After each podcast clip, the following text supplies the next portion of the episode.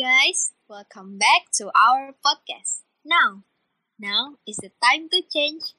Kenalin, nama aku Rere, dan hari ini aku nggak sendirian nih. Aku bakal bareng sama dua teman aku, Oji Hai.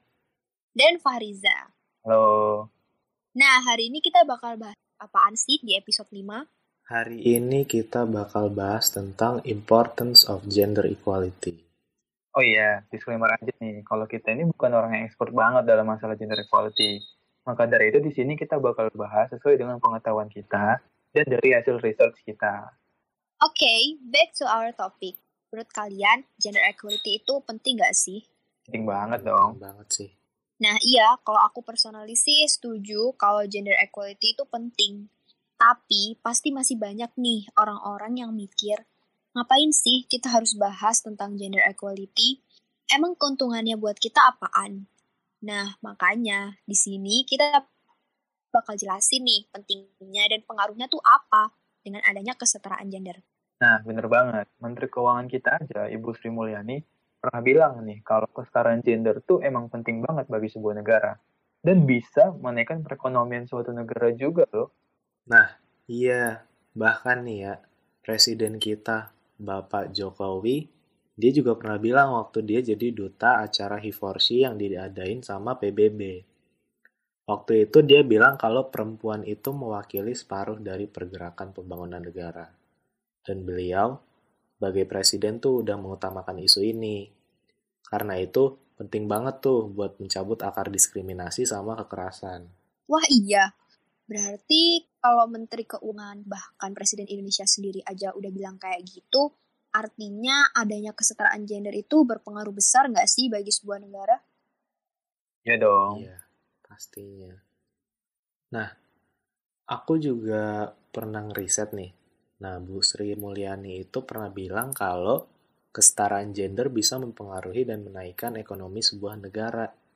Tapi kok bisa ya kesetaraan gender mempengaruhi ekonomi negara gitu?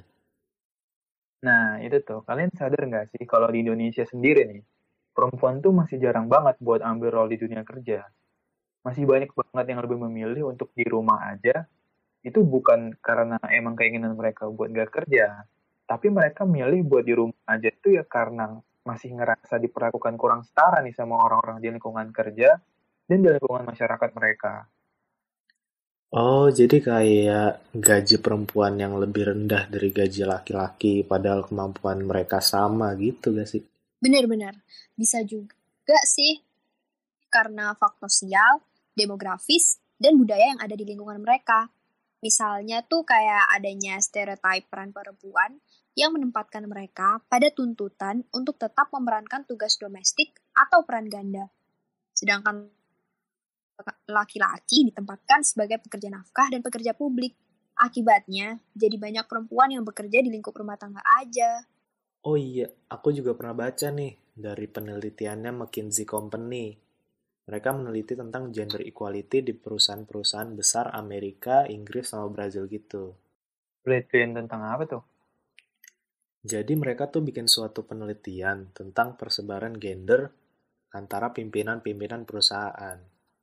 Dan dari research mereka hasilnya shocking banget sih. Dari penelitian mereka ditemukan bahwa pemimpin perusahaan tuh biasanya laki-laki.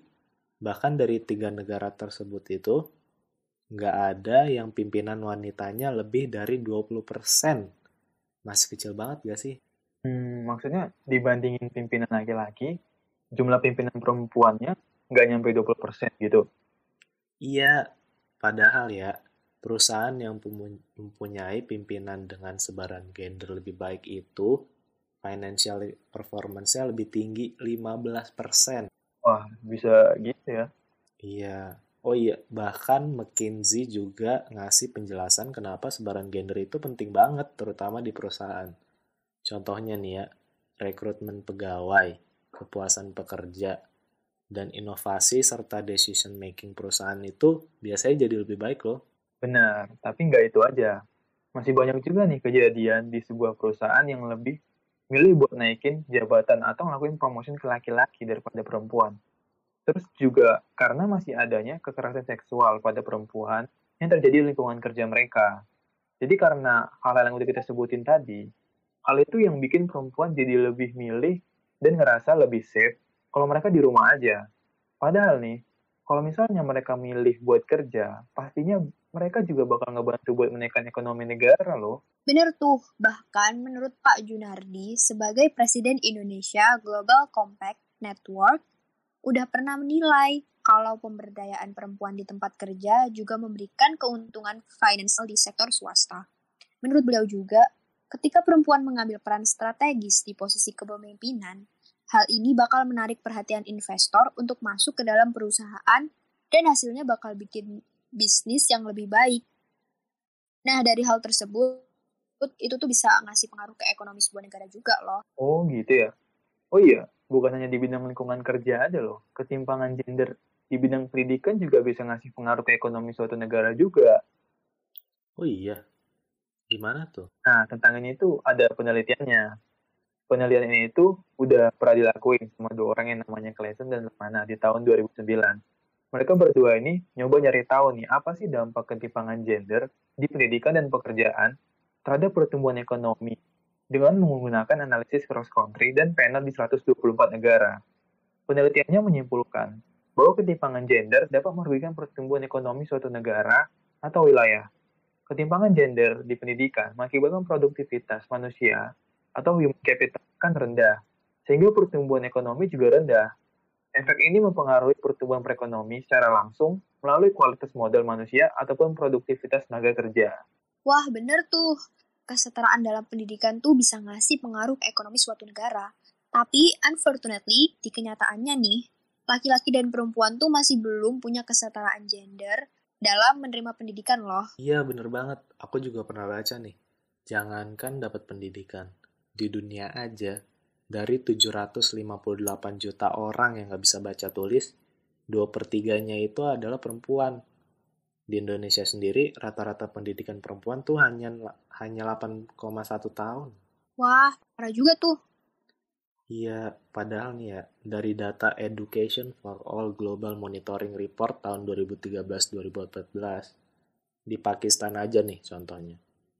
Perempuan yang punya literasi skill yang lebih bagus di dunia kerja tuh dapat gaji 95% lebih daripada yang uneducated.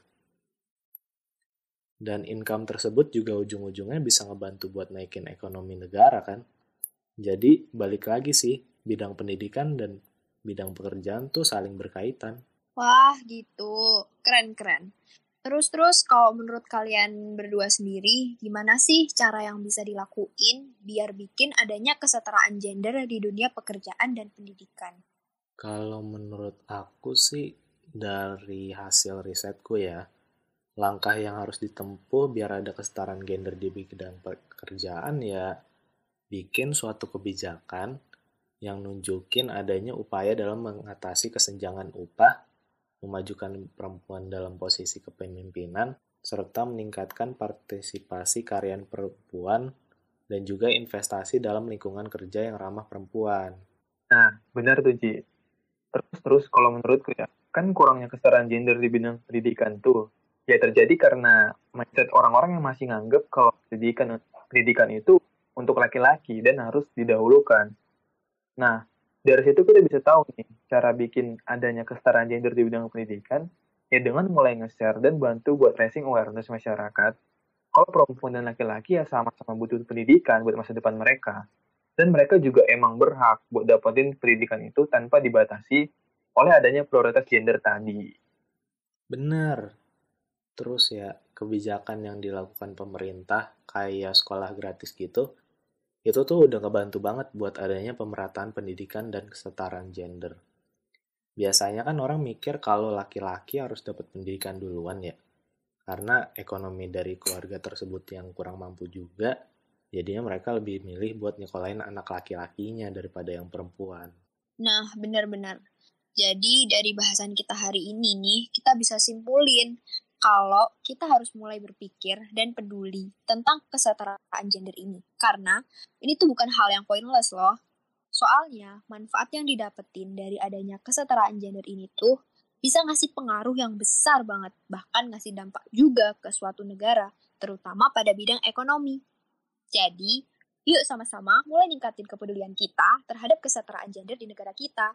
Karena dengan kita peduli nih, itu tuh jadi salah satu kontribusi kita buat ngembangin negara kita khususnya di bidang ekonomi. Oke, okay, guys. Thanks for listening to our podcast. Bye!